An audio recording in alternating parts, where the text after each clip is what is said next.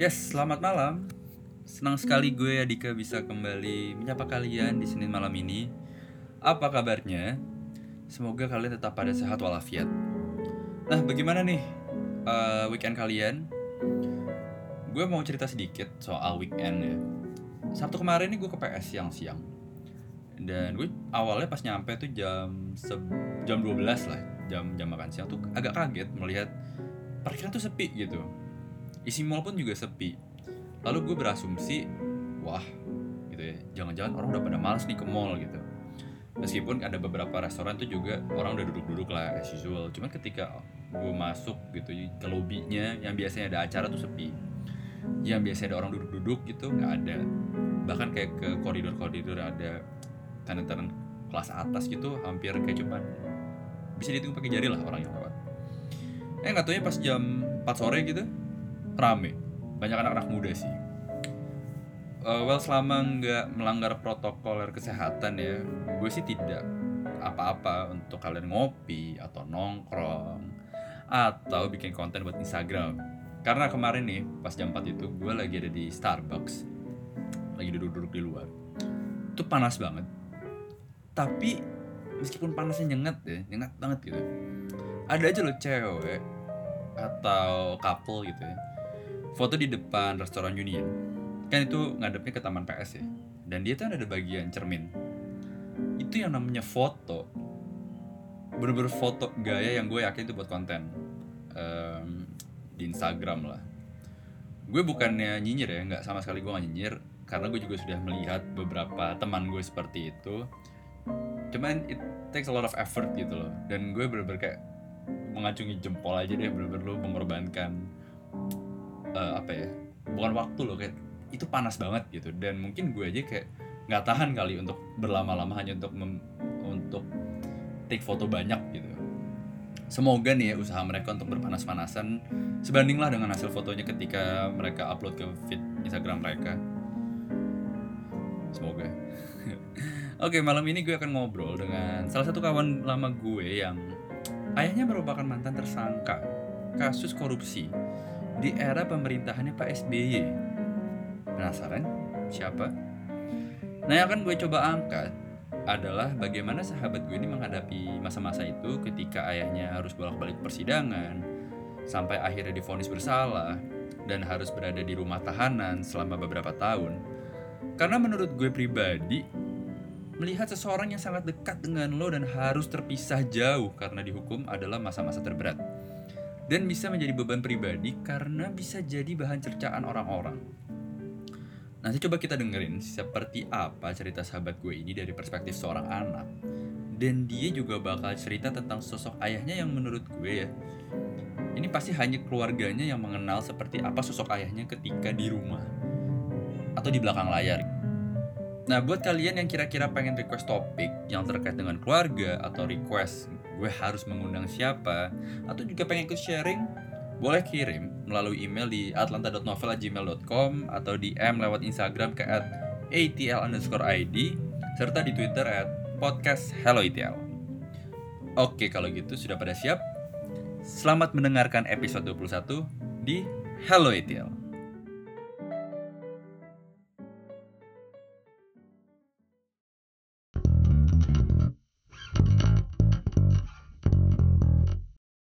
Oke, sekarang gue sudah bersama salah satu kawan lama gue yang kita kenalan dari zaman MSN, eh, Ibadi sih tepatnya Ibadi ya. Halo Gem. Hai, hai. Wah, apa kabar banget nih? Hi everybody. Oh, apa kabar banget Gem? baik, baik, baik, baik banget. Oh, gila. Jadi nih game ini kawan lama gue, uh, padahal nggak satu sekolah ya? Enggak, kita nggak pernah satu sekolah. Nggak pernah satu sekolah kuliah bareng. Ya, somehow satu fakultas. Mm -mm. Nah, mungkin lu bisa memperkenalkan diri lu deh. Uh, nama gue Gemintang ke Juara Malarangeng. Uh, iya tadi gue temenan sama Adika karena kita waktu SMP pernah punya mutual friend, tapi kita sempat nggak hubungan lama, Adik ya. Sempat nggak hubungan lama. Oh. Abis itu kuliah kita di UI di FISIP bareng. Bener. Terus kita kenal di situ. Terus setelah lulus dari FASIP, gue S2 di Columbia University New York. Habis itu udah deh, here I am. Wow. Ah, apa kegiatan lu sekarang apa nih? Nah, sekarang gue gue kerja uh, di NGO gitu yang Hmm. uh, bidangnya humanitarian aid Hmm. dan juga gue uh, sebuah seorang deputi di DPP Partai Demokrat. Wow, ini ya, apa salah satu perwakilan generasi muda di partai ya? Uh, wow, wah. bisa dibilang begitulah. podcast saya masuk ranah politik.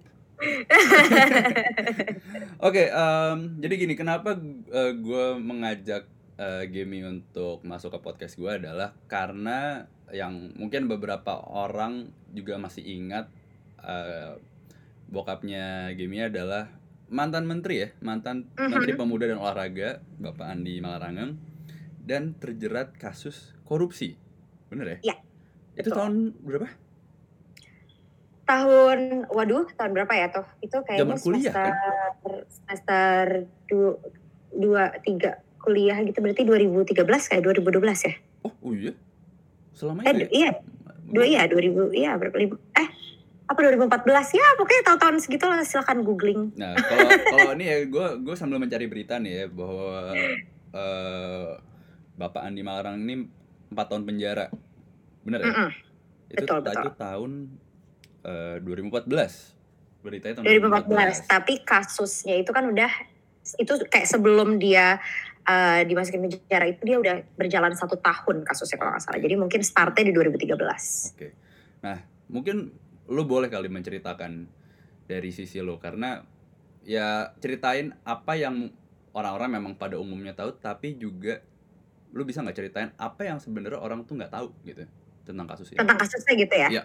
Ah, oke Em, gue nggak tahu ya eh, kalau kalau dari pandangan gue sih gue meyakini bahwa orang-orang nggak nggak akan ngulik sejauh itu tentang kasus ini pasti yang mereka tahu cuma sebatas apa yang tampil di berita Betul. atau headline headline media bahkan belum tentu beritanya dibaca juga kan Setuju.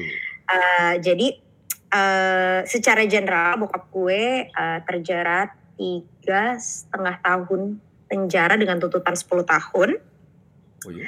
dan uh, kalau nggak salah tuntutannya itu adalah melakukan tindak korupsi bersama-sama eh bukan melakukan tindakan yang merugikan negara bersama-sama. Bersama-sama. jadi Oh. bersama-sama. Ada ada kata bersama-sama. Jadi dia dimasukkan ke dalam bagian dari orang-orang yang membuat kasus itu terjadi. Tapi nggak ada karena memang bokap gue nggak menerima uang sama sekali dan juga nggak ada eh, apa namanya bu- bukti dalam eh, menguntungkan diri sendiri. Jadi dia juga nggak terke- terjerat di eh, menguntungkan diri sendiri. Hmm. Eh, makanya tuntutannya juga cuman tiga setengah tahun makanya banyak orang juga yang kayak gue sih sering dengar yang nanya kayak kok eh, kasus korupsi tapi kenanya cuma tiga setengah tahun karena Hmm. well my dad didn't take any money gitu jadi eh, kasusnya itu intinya eh, ada sebuah proyek yang Ya. terjadi di Kemenpora pada saat itu dan Hmm. eh, proyek itu diselewengkan Oke. eh, ah, dan ada terdapat kerugian negara yang lumayan Hmm. uh, lumayan besar gitu ya, besar banget sih sebenarnya. Dan uh, pokoknya um, sebenarnya sih kalau kalau pandangan gue, misalnya gue karena gue tahu gue dan mengikuti religiously kasusnya, gue datang ke sidang-sidangnya, Hmm. kayak I know my dad is innocent, tapi gue juga tahu bahwa di dalamnya banyak uh, pertimbangan-pertimbangan politik Hmm. uh, mungkin yang juga uh, dikejar oleh beberapa banyak pihak sehingga Hmm. uh, secara politis mungkin menguntungkan buat memasukkan bokap gue dalam penjara secara menangkap menteri gitu ya kan Oh, iya oke. ya tapi uh, uh, uh, gimana ya uh, gue nggak ngerasa perlu untuk mendebatkan hal itu kalau Hmm. memang gue rasa kalau emang orang mau tahu kisahnya seperti apa dan emang orang mau tahu kebenaran dari kasusnya seperti apa sebenarnya lo tinggal googling aja secara komprehensif bukan cuman baca baca uh, berita dan keep in mind juga beritanya itu memihak kepada siapa biasnya ke mana Betul. dan segala macam Uh, gue yakin kalau orang emang niat untuk tahu mereka pasti bisa cari sendiri kok Sorry, Bu, eh, lu tadi bilang eh, bokap lu adalah inosen. Em, inosen ini dalam arti eh, apa nih? Eh, eh, jadi oh ya bokap gue juga kena namanya pembiaran. Apa tuh? Pembiaran pembiaran itu sebuah pasal yang intinya eh, diasumsikan bahwa bokap gue tahu tapi membiarkan itu terjadi. Oh, oke. Itu yang Jadi- memberat, itu yang pada akhirnya juga menjadi underline untuk memberatkan bokap lu untuk kena Iya iya Oh, iya. Jadi eh, apa eh, diasumsikan bahwa karena dia menterinya Hmm. otomatis di kementeriannya ada sesuatu yang terjadi, nggak mungkin lo nggak tahu, jadi lo harus bertanggung jawab atas ke ke pengetahuan lo, tapi lo biarkan terjadi bias, basically kayak gitu. Oke. Oh, sebenarnya bokap lu tahu. Tapi ya udah dia udahin ya sih jatuhnya. Eh, itu itu itu tuduhannya, Oh, itu tuduhannya. itu tuduhannya. Jadi tuduhannya adalah bokap gue tahu tapi ngebiarin aja gitu. Tapi ta- nggak ada buktinya. Wah, ya kalau lo kalau lo niat nyari sih nggak ada sebenarnya. Kayak maksudnya nggak ada. Kayak semuanya tuh sistemnya katanya katanya gitu loh. Jadi kayak katanya ini, katanya ini, katanya ini. Bokap gue ada di sini, di situ, di sini gitu misalnya kayak gitu. Dan itu sebenarnya kalau kalian mau tahu itu jadi waktu itu eh, ada tim namanya Elang Hitam yang eh, nge, nge ngekupas secara tuntas BAP-nya, ngekupas secara Oke. tuntas prosesi ininya. Terus kayaknya ma- masih ada sih kalau dicari dan juga eh, bokap gue juga nulis eh timnya bokap gue dan bokap gue juga bikin eh, buku buku kecil buklet gitu yang ngejelasin prosesi kasusnya dan segala macam. Mungkin kalau ada yang emang pengen pengen tahu dan pengen punya bisa cari gue, bisa minta ke gue, gue pasti mau kasih. Nah, itu tuh yang tertarik sama politik dan tertarik sama kasus-kasus ya. Apalagi kasusnya bokap lu gitu ya. Iya. Mm-mm. Oke. Em, jadi tiga setengah tahun di rutan apa? Eh, pertama, eh, jadi eh, kasus bokap gue itu pertama bokap gue tersangka dulu selama satu tahun Oh. Eh, eh, sampai sampai batas batas maksimal orang boleh ditersangkain tanpa dijerat hukum. Oke. Jadi habis itu dia ditahan di KPK dulu selama prosesi sidangnya berlangsung. Mm-mm. Habis itu dia dipindahin ke Guntur, tuh yang di di Jakarta Pusat ya Guntur maksudnya ya. Ha- habis itu baru masuk penjaranya di Bandung di Sukamiskin. oh, ke oh kalau suka miskin. Iya di Sukamiskin. Dan itu terakhir kan dan akhirnya bebas. Iya sampai akhirnya bebas di Sukami, dari Sukamiskin. Dan selama bokap lu ditahan dan di penjara, lu selalu mengunjungi tiap hari kah? Eh, kalau waktu masih di Jakarta, Mm-mm. eh se- kan ada jadwal-jadwal kunjungannya ya, kayak Hmm. eh, nggak bisa bener-bener tiap hari tiap saat gitu, ada Hmm. hari-harinya. Hmm. Terus ya gue datang setiap hari-harinya dan selama nggak nabrak sama kuliah. Waktu itu kan gue Hmm. lagi kuliah tuh Hmm. di UI. Iya. Iya, jadi selama nggak nabrak sama kuliah karena bokap gue juga pasti kayak jangan sampai gue bolos kuliah gitu loh kayak lo harus kuliah gitu. Jadi kayak eh, kalau nggak nabrak gue pasti datang. Sama kalau yang di Jumat eh, eh, Jumat di Bandung Hmm. itu biasa tiap weekend sih gue nyamperin tiap weekend. Atau kalau misalnya tanggal merah atau ada liburan gue biasa stay di Bandung. Oke. Nah, lu berkaca dari kasusnya bokap lu nih. Mhm. em, apa sih yang lo dapatkan soal politik sampai lu akhirnya juga terjun ke partai? Oh apa ya? Em, yang gue dapetin adalah gue melihat bahwa memang hukum di Indonesia is not perfect. Oke. Sistem sistem kita, sistem perpolitikan kita memang tidak sempurna dan memang banyak yang harus harus diperbaiki. Hmm. Eh, tapi kayaknya justru itu juga yang jadi motivasi gue buat berpolitik gitu ya. Sebenarnya kayak gue sering banget Hmm. terima pertanyaan yang kayak game kayak bokap lo udah digituin, kok lo bukannya malah Nah, kayak iya. benci atau cabut Itu itu Dari- pertanyaan sama. Ah, kenapa? Iya, kayak, Hmm. kok kok lo nggak trauma gitu atau benci atau Hmm. cabut dari politik gitu Ya, kayak hmm. Kak, justru kalau menurut gue malah sebaiknya kayak if you see a problem you should you should be the change that you want it to be gitu kan. Jadi Yep. kalau kalau lo ngeliat masalah lo kalau lo emang mau itu berubah lo jangan ngomel-ngomel doang lo do something about it gitu kan. Jadi kayak menurut gue uh, politik prak- politik praktis adalah tempat buat gue me- mencari solusi atau bersikap solutif terhadap problem-problem yang gue alamin gitu. Oke, so that's the reason gitu. Lu akhirnya mau eh, menyumbangkan tenaga lu ke politik. Iya, salah satu dari banyak hal lah gitu. Tapi apakah bokap lu ini mendukung lu apa malah kayak sempat melarang lu? Oh enggak sih, bokap gue tuh, bokap gue tipe-tipe orang yang kayak apa pun yang lo mau lakuin lo boleh lakuin dan Hmm. asal lo lakuin dengan sungguh-sungguh kayak dia kayak dia sering banget kayak ngeluarin jargon-jargon yang kayak do the best, be the best Hmm. gitu. Jadi kayak gue terserah gue nggak pernah dibatasin buat harus ngapain atau nggak terlalu diatur-atur dalam bidang apa gue mau masuk gitu. Hmm. Tapi yang penting apa pun yang gue lakuin gue harus lakuin benar gitu. Oke. Nah, gue balik lagi dulu ke kasus. Um, Ketika gue nggak tahu bagaimana prosesi penangkapan eh, bokap lu ya, tapi ketika pada akhirnya bokap lu ditangkap, bagaimana bokap lu nih mengatakan ke keluarga gitu bahwa ya gue salah atau gue difonis bersalah gitu pada akhirnya gitu. S- sebenarnya kalau kalau yang pas eh, divonis bersalah itu itu kan udah udah udah belakangan ya. Oh, iya. Eh, sebelum sebelumnya sorry. itu- jadi bokap gue itu orang yang sangat transparan gitu. Jadi Oke. dia dia orang-orang yang kayak kalau misalnya dia uh, ada sesuatu atau apa yang menyangkut pautkan keluarga gitu dia pasti akan langsung kayak ibaratnya kayak dudukin kita semua dan kayak Hmm. kayak tell it to us straight gitu loh. Hmm. Dan wa, pertama kali dia ngomongin secara belak-belakan soal kasus ini adalah Hmm. waktu uh, dia mau dijadikan status tersangka.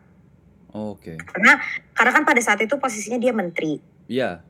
waktu dia tahu dia mau ditersangkakan atau kalau nggak salah di hari dia ditersangkakan dia memutuskan untuk langsung mengundurkan diri dari jabatan dia kan. Betul. Nah di waktu itu kan kita semua tinggal di rumah dinas di Widya Chandra Oke. eh, di rumah dinas menterinya dia. Hmm. Jadi eh, bokap gue di malam itu langsung ngomong kalau eh, besok eh, papa bakal ngundurin diri Hmm. dari posisi menteri. Hmm. Eh, terus eh, kalian semua siap-siap beresin barang kita langsung move out kan dari Widya Chandra. Hmm.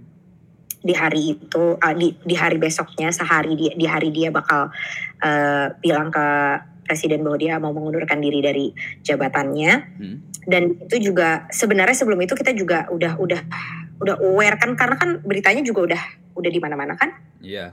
Hah? dan um, gue sih gue punya hubungan trust yang sangat tinggi sama bokap gue Oke. Uh, keluarga gue sih kayak ki- kita satu keluarga punya bonding dan trust yang yang menurut gue luar biasa jadi kita udah melewati masa mempertanyakan bahwa kayak nggak terbesit sama sekali di kepala kayak lo salah nggak sih kita tahu lo Hmm. pasti nggak salah gitu Hmm. tapi jadi ketika dia ngejelasin itu dia cuman lebih ke teknis gitu kayak ini uh, kira kurang lebih akan ada masa beberapa bulan ke depan di mana uh, dia akan bolak-balik uh, panggilan uh, penge- apa tuh pemeriksaan dari KPK jangan khawatir terus uh, kayak prosesi-prosesi yang kayak misalnya uh, kalau misalnya kalian ditanya atau diwawancara atau ditanya sama KPK atau gimana Hmm. just tell the truth katakan apa adanya dan segala macam Hmm. Jadi kayak lebih ke kayak gitu jadi dibimbing bahwa ini yang kira-kira bakal terjadi nih ini Hmm. mungkin aja terjadi jadi Hmm. kalian jangan takut uh, jalanin aja gitu Uh, will be fine bahkan di masa-masa genting tuh bokap lu masih dengan tenangnya menenangkan anak-anaknya gitu. oh ya ya ya dia dia dia uh, dia punya uh, apa ya kayak karisma dan cahaya yang Hmm. yang yang luar biasa menurut gue dia Hmm. dia tuh he exudes Hmm. uh, happiness gitu jadi dia Nice. dia bikin semua mood semua orang Happy. jadi meningkat gitu jadi happy gitu jadi kayak waktu ya of course gue ada sedih-sedihnya juga lah maksudnya kayak ada yang kayak aduh ada khawatirnya gitu Hmm. tapi karena dianya tenang-tenang aja dan dia dia kayak pokoknya ikuti proses hukumnya terus kalian kuliah aja jangan gak usah down jangan berhenti ngelakuin kegiatan hari-hari kalian seperti biasanya just lanjutin kehidupan seperti biasa Hmm. you guys will be fine dan ngelihat bahwa bokap gue juga tetap fine dia tetap produktif dia tetap nulis dan Hmm. segala macam segala macamnya Hmm. kita ya jadi kalau orangnya aja nggak worried why are we worried gitu loh Iya. Karena kan ya biasanya kan ada stig- stigma wah di penjara gini-gini down down ya lu gua gue sih nggak pernah merasakan ya cuman kan biasa orang-orang awam kan pasti mikirnya udah negatif aja ya kan?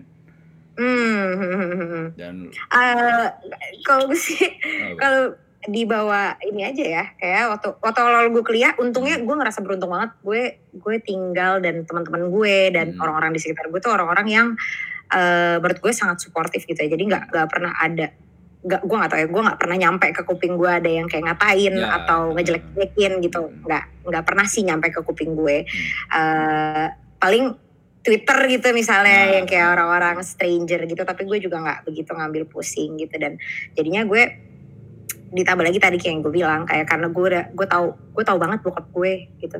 Gue I know who he is. Gue tahu dia kayak gimana orangnya. Jadi gue nggak ya gue gue pede aja. Kayak gue tahu dia orang baik. Jadi kayak nggak nggak ada masalah gitu terserah orang mau mikir apa ibaratnya gitu Ntar, sebelum gue bertanya lebih lanjut tentang bok, uh, bokap lo dan lo, Hmm. selalu belajar uh, di FISIP gitu ya? Iya. Dan lu kembali melihat kasus itu dan lu baca BAP BAP-nya, lu percaya bahwa bokap lu nih dijebak kah? Atau Uh, Enggak, itu dia nih. Ini, ini perspektif lu nih ya. Ini bener perspektif yang nggak ada, yang gue let's say netral, let's say yang kan di media kan pol- terpolarisasi sama banyak hal ya. iya Jadi lu nggak akan jernih gitu berpikir. Jadi sekarang dari lo, dari perspektif eh, anaknya yang bokapnya sudah dipenjara dan sudah bebas dan transparan, menurut lu seperti apa melihat kasus ini? eh eh, mungkin kalau menurut gue terlalu presumptuous kalau gue harus bilang kayak bokap gue dijebak atau dia nggak dijebak gitu tapi Oke. gue lebih melihatnya gini bahwa ada pihak yang tadi gue kayak di awal gue sempat ngomong ya ada pihak-pihak yang Hmm. diuntungkan secara politis kalau bokap gue terjerat gitu Oke. karena kan prestasi yang luar biasa ya eh, bisa menjerat menteri ke dalam sebuah kasus korupsi gitu bisa mengatakan bahwa kita ini menteri aja kita kita tangkap gitu ibaratnya Hmm, gitu loh hmm, betul. jadi ah, ah, jadi kalau menurut gue eh, salah satunya itu juga sih Hmm. Eh, ada ada ada pihak-pihak yang pastinya diuntungkan dengan kasus itu gitu Dan kalau nggak salah kan juga selain bokap lu di partai di oke gue bilang partai Demokrat kan juga selain bokap lu ada beberapa juga kan yang kena kader- kadernya kan. iya Iya kan iya. Ini ini pertanyaan mungkin agak agak aneh. Ini bokap lu masih berhubungan baik kan dengan mereka setelah kasus ini? Eh, apa yang yang terjerat terjerat kasus lain Satu yang terjerat, yang kedua ya pemimpin partainya nih. Oh kalau kalau kalau di kalau sama orang-orang partai ya kan bokap gue juga masih partai Demokrat ya dia tuh Oke. sekarang sebagai eh, sekretaris umum di majelis posisinya di partai. Jadi dia juga Hmm. masih punya andil di partai Demokrat. Jadi kalau sama petinggi-petinggi partai of course masih masih masih bergerak. Oke. Tapi kalau sama yang kena-kena kasus eh, gue kurang tahu ya gue nggak nanya-nanya juga sih Hmm. kayak dan kayaknya eh, gue juga nggak tahu apakah gimana. Cuman kayaknya sih nggak taau ya gue. Iya, iya, ini ini ini nggak tahu. Soalnya kan siapa tahu kan siapa tahu mungkin masih Ah. berhubungan baik secara personal atau nggak tahu gimana ceritanya atau mungkin ada kepentingan-kepentingan yang lain kan kita nggak tahu ya. Eh, iya gue juga nggak tahu sih sejujurnya karena gue juga nggak gue juga nggak keep tabs bahwa gue ngobrol sama siapa Ya kan katanya transparan. Gimana? iya iya tapi kan ya transparannya kan bukan bokap gue tiap hari cerita dia tetap Oh, gue iya. habis ngobrol sama ini nih gue lagi chat sama ini nih kayak Oh, iya, gitu iya. juga gila Maaf, maaf, maaf. Eh, Oke, sekarang gue mau pindah. Oke, kita lupakan sedikit lah kasus tadi. Em, oke tentang bokap lo nih. Ya, Hmm. balik lagi. Bokap lo lah dulu adalah mantan menteri cukup terkenal di yang Hmm. maksudnya orang tahu lah siapa sih yang nggak tahu Andi Malarangang gitu.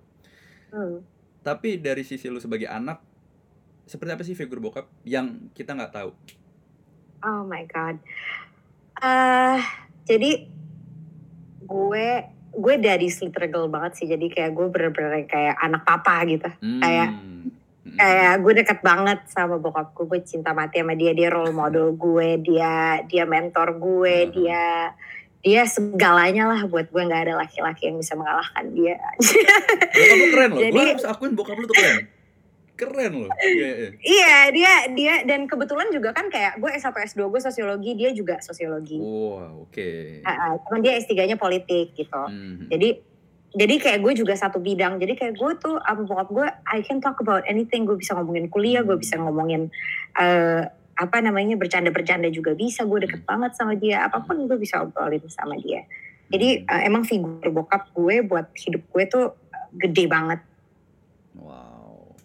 Lo selalu berdiskusi apa pun tentang mungkin personal life lo selain di, selain di samping kuliah ya ke bokap lo juga. Hmm, iya ya eh, itu. gue em, kayak apalagi sekarang nih kayak gue lagi banyak interest di dunia politik gitu ya Iya, terus gue juga mulai mulai lagi latihan untuk nulis Hmm. eh, kayak opinion ad gitu terus Hmm. jadi segala hal gue didiskusin sama dia terus kalau misalnya gue lagi kesel atau gue geram soal misalnya isu-isu sosial atau isu-isu politik yang lagi sirkulasi gitu atau misalnya gue nanya teori atau apa yang kira-kira masuk ke dalam sebuah analisa gitu itu gue juga nanya ke bokap gue segala hal gue tanya ke bokap Dan ketika lo terjun eh, pada akhirnya bergabung ke Partai Demokrat.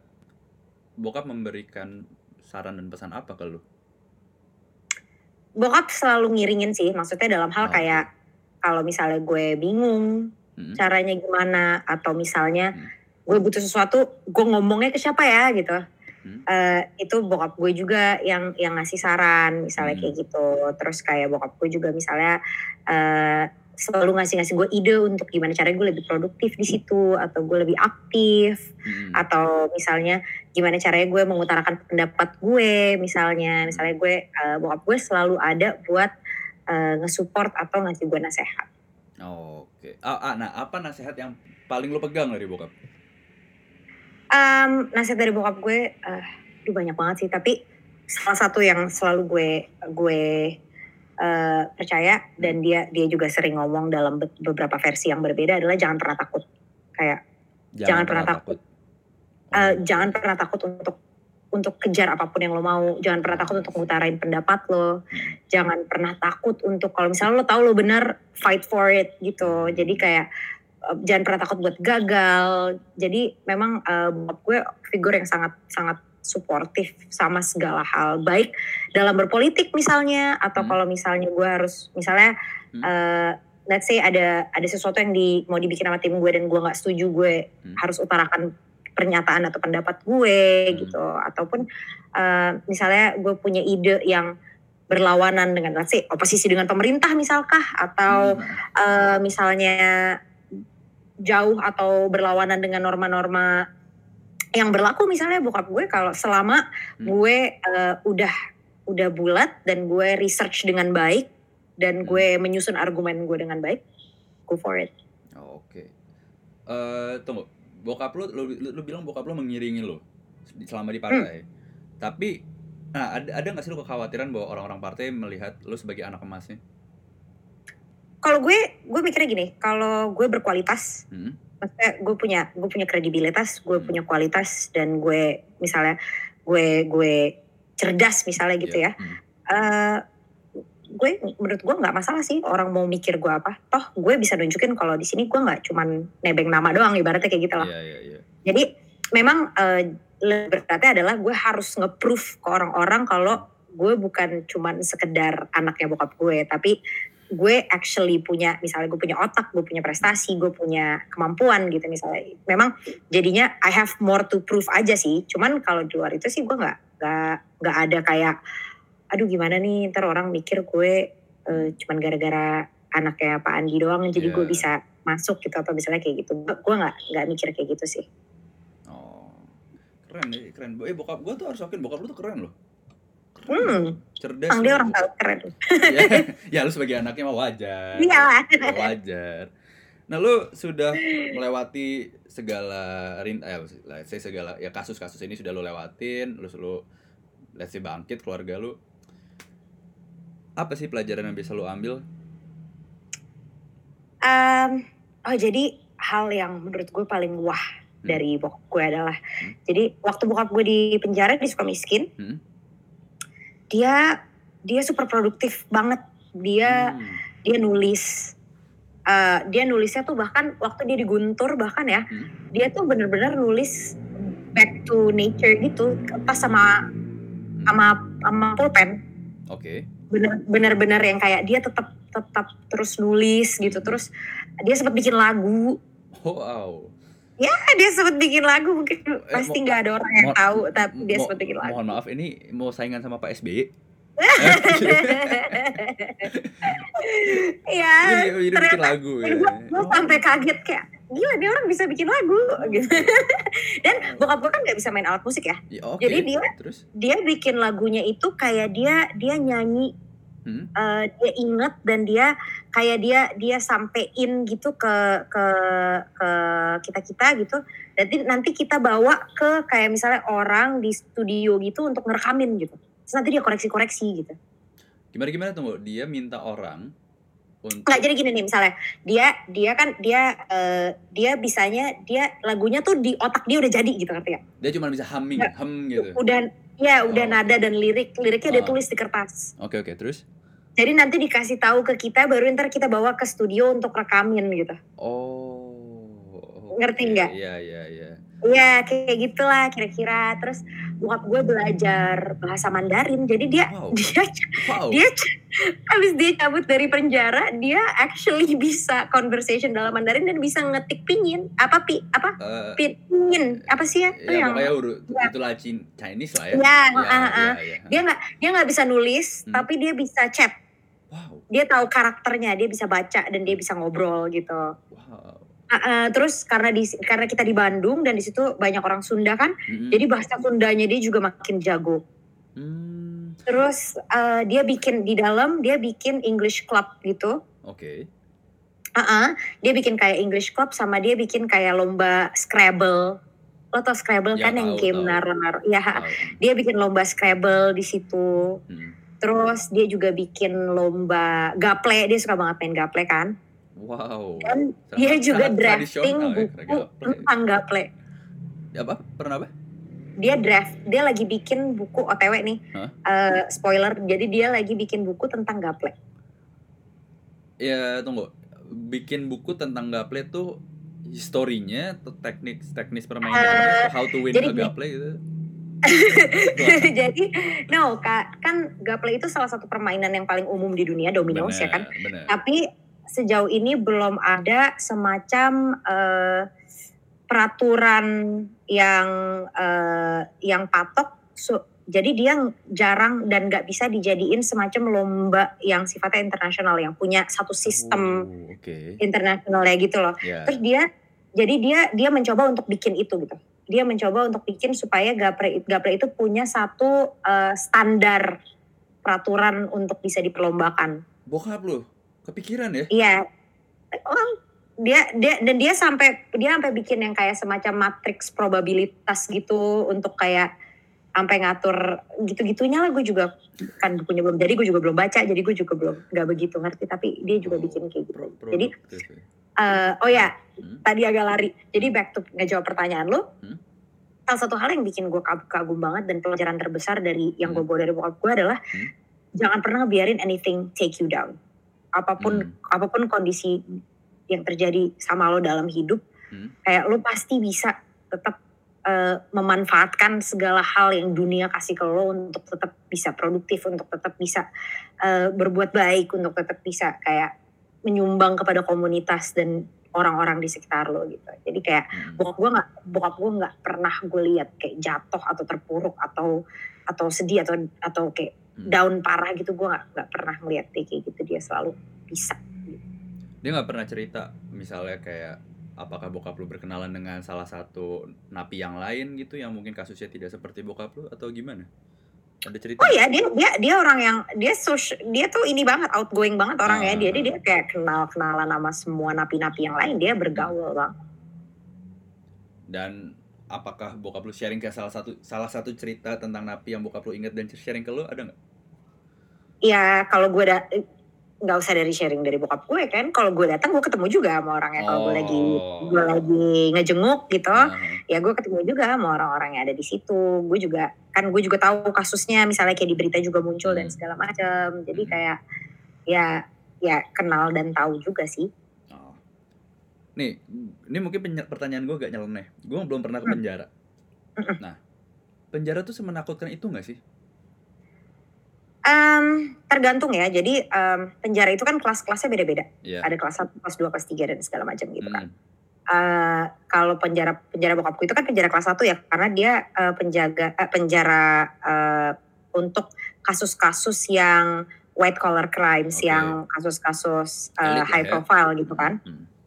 Jadi eh oh ya banyak juga yang nanya sama gue, Apa? kenapa penjara kelas 1 Hmm. yang ibaratnya kasusnya korupsi gitu Oh. atau yang gede-gede Hmm. itu penjaranya dalam tanda kutip lebih bagus Nah, iya. dibanding penjara kelas 3 yang misalnya orang cuma nyolong atau cuma berantem tapi kayak lebih dijaga, lebih lebih Hmm. lebih Kayak- ya kan lebih ketat gitu Kayak- kan karena dan kan living conditionnya lebih jelek. Karena kan ada, aduh kemarin yang siapa ya, eh, politisi siapa sih yang di penjara tuh gue lupa. Itu kan juga kamar ke kamar hotel gitu. Jadi Hmm. kan kayak ya Jadi- sama aja gitu. Kenapa? Eh, sebenarnya kalau kalau gue sih dari dari perspektif gue gue ngeliatnya kayak gini ya Hmm. Em, karena ini kan sebenarnya lembaga pemasyarakatan ya, lembaga untuk mengembalikan orang untuk kembali ke masyarakat gitu kan. Iya, heeh. Dan otomatis lo juga harus ingat bahwa eh, dalam membentuk penjara dan dan mengatur resource misalnya berapa banyak sipir atau berapa banyak penjaga atau seberapa ketat pengamanannya Hmm. itu itu kan terbatas ya kemampuannya negara untuk mengatur hal-hal kayak gitu nggak bisa Hmm. begitu banyak orang ditaruh di semua penjara gitu kan untuk ngejaga. Hmm. Jadi mereka harus mempertimbangkan risk ya kan. Penjara kelas 1 itu kan rata-rata orang-orangnya orang-orang yang eh, educated, Iya. mereka eh, punya banyak yang punya high political status misalnya. Betul. Jadi eh, mereka bukan orang-orang yang nggak yang sulit untuk diatur atau dikasih tahu gitu. Oke. Mereka- Jadi mereka mereka ya. punya kecenderungan untuk to be less violent misalnya. Hmm. ya kan Eh, jadi sehingga mungkin itu juga alasannya kenapa resource yang diberikan untuk menjaga nggak sebegitu banyak karena Hmm. risk untuk misalnya ada tiba-tiba ada tawuran di dalam Hmm. Penjara atau risk untuk misalnya ada orang berantem Hmm. itu jauh lebih kecil dibanding misalnya penjara-penjara yang kelas lain gitu jadi mungkin logikanya terletaknya di situ gitu kenapa penjaganya lebih sedikit Hmm. kenapa pengamanannya mungkin nggak seketat di penjara lain misalnya kayak gitu Oh, ya make sense sih. Ya, ada gue make, make sense ya karena kan banyak sekali balik lagi orang-orang di media sosial kan mudah nyinyir ya. hmm. Dan kayak kok udah kayak mereka selalu berpikir kayak koruptor mengambil keuntungan negara MM-an. Kok masih difasilitasinnya kayak hotel nggak ya katanya nggak adil ya gue nggak tahu. Menurut gue kan tidak bukan orang politik ya jadi gue hanya melihat asumsi saja. Tapi dengan adanya penjelasan dari lu ya make sense sih menurut gue. Hmm.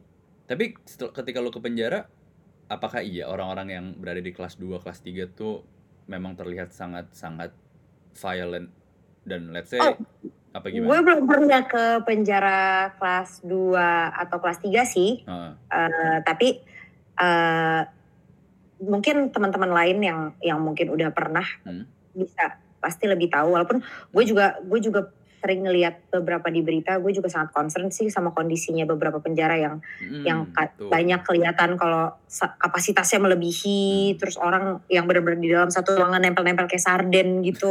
Iya, Kayak menurut gue itu juga nggak manusiawi dan nggak sepatutnya seperti itu. iya. Cuman Hmm. yang gue dengar memang eh, di di penjara, beberapa penjara tertentu di kelas-kelas eh, lain itu memang lebih prone untuk kayak ada orang berantem kah Hmm. atau ada kerusuhan atau lebih agresif terhadap eh, penjaganya jadi penjaganya harus lebih lebih eh, misalnya kayak pakai pengamanan yang lebih lebih berat gitu misalnya Hmm. kalau yang kayak di penjara-penjara kelas 1 Hmm. eh gue nggak tahu ya se- sepanjang pengalaman gue ke sana sih kayak semua orang friendly dan dan kayak semua orang kayak respect sama satu sama lain nggak gue sih nggak belum mendengar ada kerusuhan atau Hmm. hal-hal kayak gitu jadi mungkin itu juga alasannya kenapa eh, sipir-sipirnya atau penjaga-penjaganya lebih rileks gitu ya dalam tanda kutip karena mereka juga nggak ngerasa terancam Tapi kan masih sering nemuin nih kan berita ada penyelundupan narkoba gitu kan. Hmm, ya kalau itu kalau itu menurut gue ya that's against the law dan itu salah gitu. Jadi kalau emang ada yang ngelakuin ya lo salah lo harus dihukum. Tapi kan tidak sesimpel Apa pun, itu Mau penjara kelas satu, mau penjara kelas dua, mau penjara kelas tiga. Masalahnya tidak sesimpel itu di Indonesia. Iya, iya, iya, iya, iya. dia. I get ya. Eh, nah kemarin nah si Gemi ini nih juga katanya lu juga terjun di NGO lu Iya. cerita kemarin sama gue boleh nggak sih lu jelasin sedikit dan lu mendapatkan value apa nih yang mungkin berkaitan juga tentang keluarga karena kemarin kalau kalau gue mendengar atau membaca cerita lu tentang NGO ini tuh sangat ada banyak sekali family value yang gue dapatkan sejujurnya Uh, oke. Ya eh, di NGO ini jadi eh, sedikit eh, apa ya summary tentang kerjaan gue di NGO. Hmm. NGO gue bergerak di humanitarian aid. Sebelum Oke. masa pandemik eh, sebenarnya fokusnya eh, lebih ke jadi di NGO gue ada bidang medis yang ngasih kasih kayak operasi gratis gitu. Hmm. Ada juga bidang emergency yang kayak ngasih bantuan kalau ada bencana Hmm. gitu kerjasama juga sama BNPB.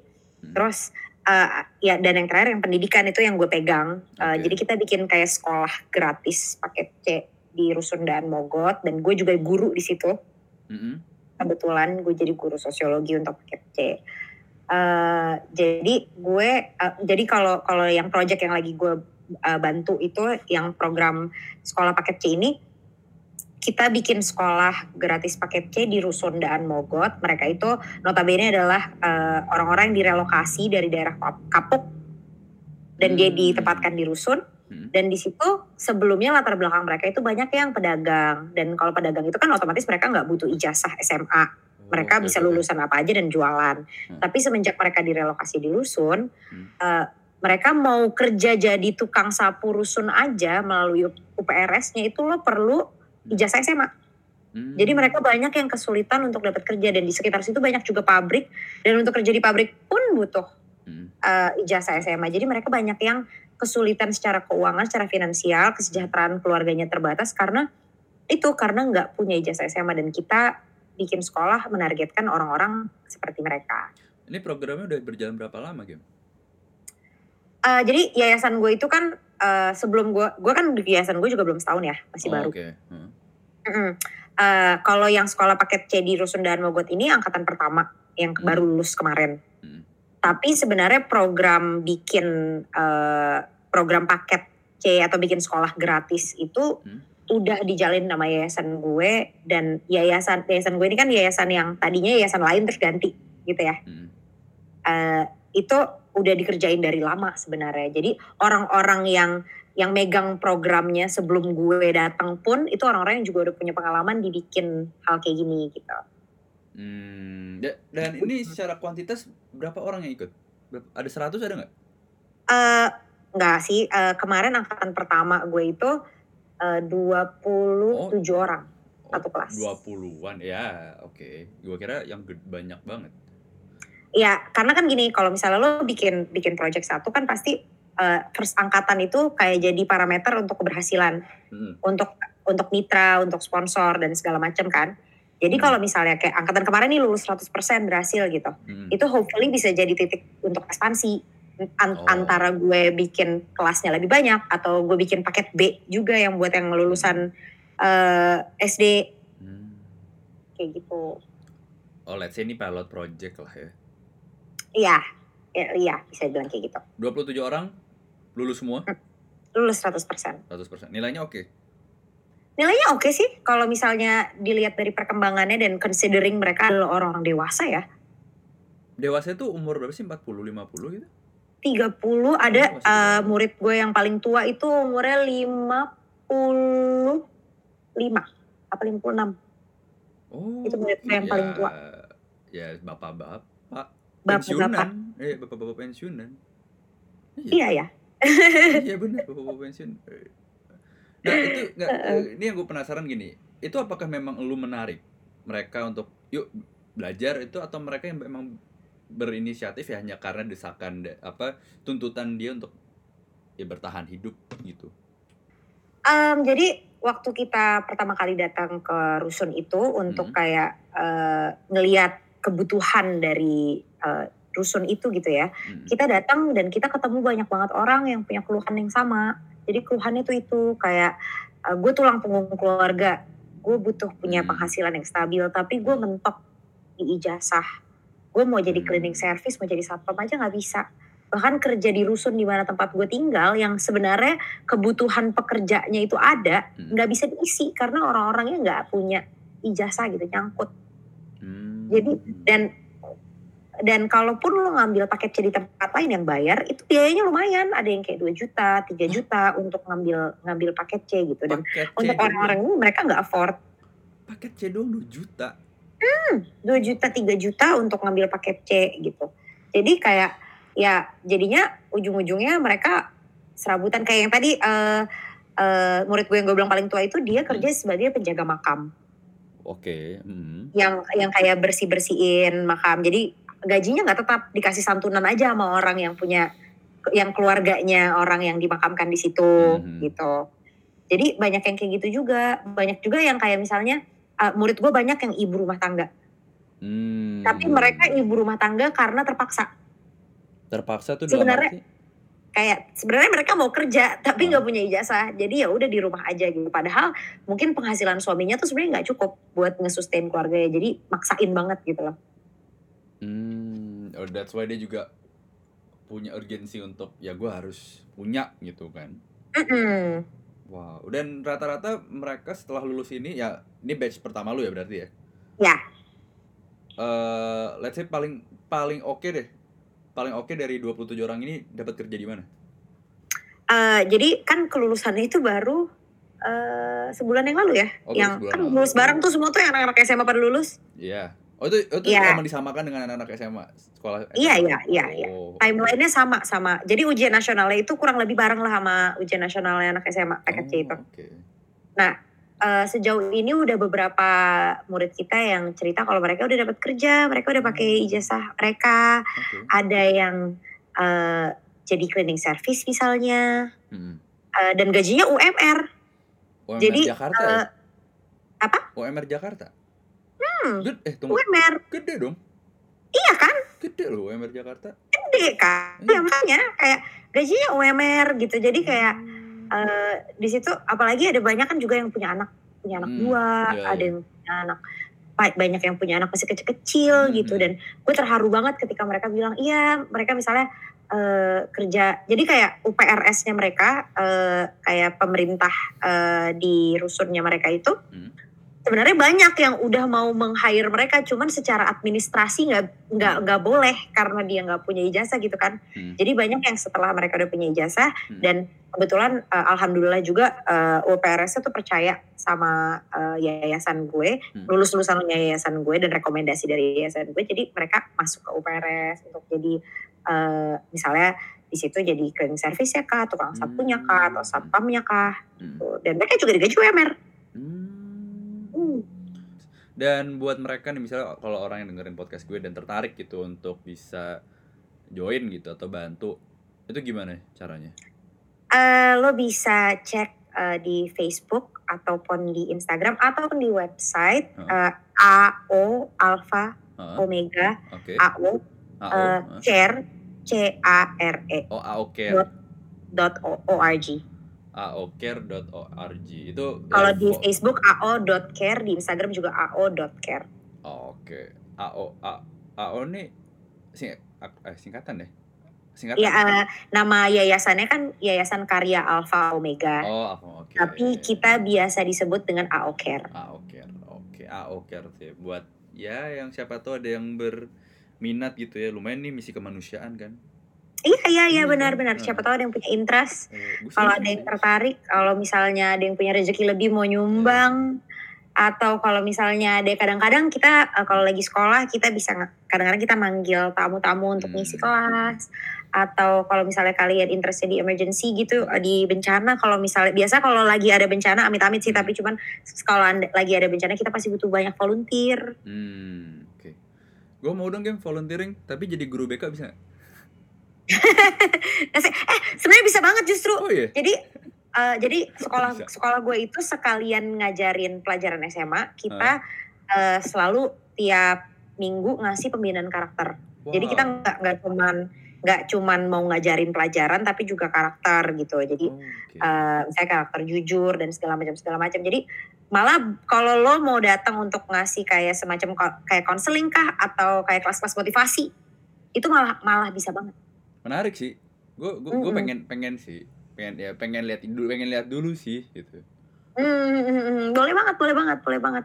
Kalau emang kalian di luar sana Hmm. juga ada yang punya misalnya punya background di dalam psikologi kah misalnya Betul. atau punya background ngasih-ngasih motivasi, motivator atau apa pun dan kalian punya keinginan atau rasa untuk eh, untuk contribute ke kehidupan orang lain, Bener, bener.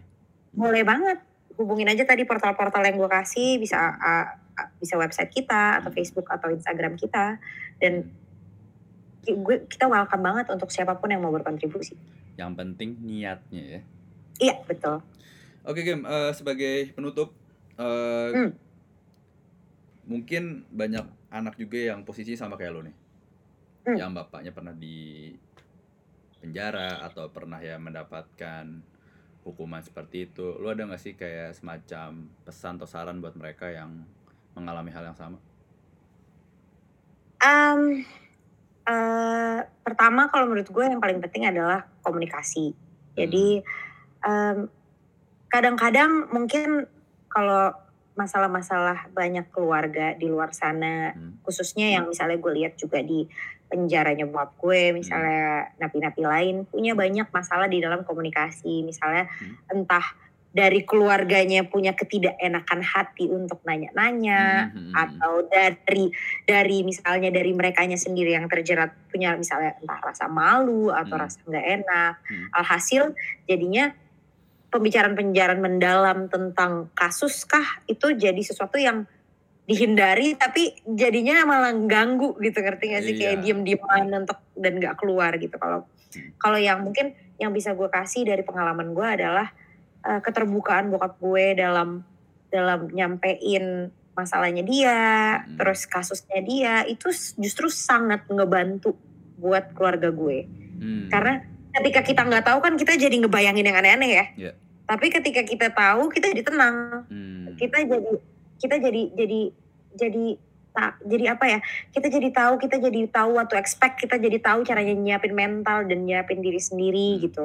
Uh, dan ketika bokap gue misalnya buka-bukaan soal hmm. kayak ini kira-kira kayaknya bakal dipenjara sekian lama nih misalnya atau hmm. uh, ini kira-kira kayaknya sidang sidangnya akan berjalan dengan kurang baik nih misalnya atau gimana karena misalnya ada siapa di situ dan segala macam misalnya hmm. ya ketika dia udah ngomong kayak gitu di awal jadi ketika itu terjadi kita cuman yang kayak sedih sebentar tapi kita jadi terakhir kita jadi menyemangati dia gitu hmm. misalnya gitu terus uh, selain itu juga always look for the positive gitu hmm. kayak satu masalah ini it's not the end of the world kok yeah. kayak selalu kalau lo mau melihat sisi positifnya selalu ada.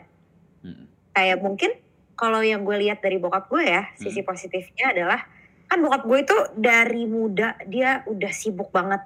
Dia dia you know dia S1 terus dia hmm. nikah, dia punya anak, hmm. dia S2 ke luar negeri merantau, dia S3 dengan bawa anak istrinya di hmm. sana. Hmm terus pulang-pulang dia jadi tim tujuh dia bikin undang-undang otonomi daerah dia bantu yeah. undang-undang pemilu terus dia tiba-tiba jadi juru bicara tiba-tiba jadi menteri kayak hidupnya tuh hektik selalu ada yang lagi dia lakuin mungkin kalau gue gue bisa lihat sisi positifnya dari waktu bokap gue masuk penjara adalah dia punya waktu tenang hmm. sebentar kayak a, a, a pause from his hectic life gitu di situ dia bisa nge-explore dirinya sendiri, hmm. dia bisa hmm. bikin lagu tahu-tahu, yeah. dia bisa yeah. kayak kayak belajar bahasa lain tahu-tahu. Mungkin gak banyak orang di luar sana yang punya kesempatan yang sama ketika lo udah berada dalam puncak karir lo. Betul. Kayaknya nggak ada waktu kan untuk kayak nge-explore hal-hal baru. Jadi mungkin itu juga hal positif. Satu salah satu hal positif salah satu hal positif dari kasus itu juga itu bisa hmm. Gitu dan uh, sejujurnya uh, gue ngerasa bonding bonding gue sama hmm. bokap gue jadi malah semakin gede sih karena hmm. lo benar-benar belajar, lo benar-benar tahu tentang seseorang ketika lo ngelihat mereka menghadapi waktu-waktu ter, terburuk. Terburuknya, ya, ya benar-benar. Ya kayak dengan gue, gue, gue malah makin inspired sama bokap gue dan gue hmm. makin, makin malah makin ngerasa kayak anjing, ini orang keren banget nih orang, hmm. ini orang kayak he is truly my role model hmm. karena gue ngelihat dia begitu tegar, hmm. dia dia kayak benar-benar dia wah gila deh bokap gue tuh emang sosok paling almost magis gitu dalam hidup gue dia keren banget. wah gila gila gila keren keren keren keren keren. Pokoknya intinya adalah meskipun uh, lu jatuh atau ada bencana itu justru jadi momen refleks lu ya. Momen tep yeah. momen yang tepat untuk refleks merefleksikan apa yang terjadi dan ya explore explore diri sendiri sih bener sih. Mm -hmm. Dan ketika lu di dalam posisi bawah there's nowhere to go but Iya, pasti ada caranya untuk bounce back. Iya ya. Pasti. Oke, Game. Sekali lagi terima kasih untuk waktunya. Thank you. Gue, gue selalu terima kasih. Akhirnya akhirnya utang gue lunas, utang ke diri gue sih. Sudah mendengarkan jawaban lo. Udah ngundang gue. Iya. Semua uh, pokoknya semoga ntar kapan-kapan harus ketemu ya kalau semuanya udah normal. Ini banyak yes. sekali harus kita yes. explore. Dan ya pokoknya yang salam buat bokap Iya iya iya. Hmm, salam. Terus kalau juga kak pendengar lo masih ada yang kentang, masih pengen nanya sesuatu, gue uh, seperti yang gue bilang kalau sebelum podcast ini mulai gue orang yang sangat transparan lo mau nanya apa aja gue pasti jawab Mm-mm. uh, tinggal hubungin gue aja Mm-mm. uh, cari gue di Instagram misalnya Bisa, bisa. Kejora Mm-mm. Tinggal cari gue tanya gue DM gue whatever lo punya Ah. penasaran tentang kasus bokap gue atau diri gue atau apa pun go ahead Nah, ya biasa kan bisa ada orang yang penasaran tuh sama kasus-kasus yang udah Hmm. lama kan. Apalagi sekarang juga lagi apa? Hype-hype-nya berita korupsi ini mulai naik-naik lagi kan. Hmm. Oke, Kim. Thank you. Selamat beristirahat. thank you, Thank you. semuanya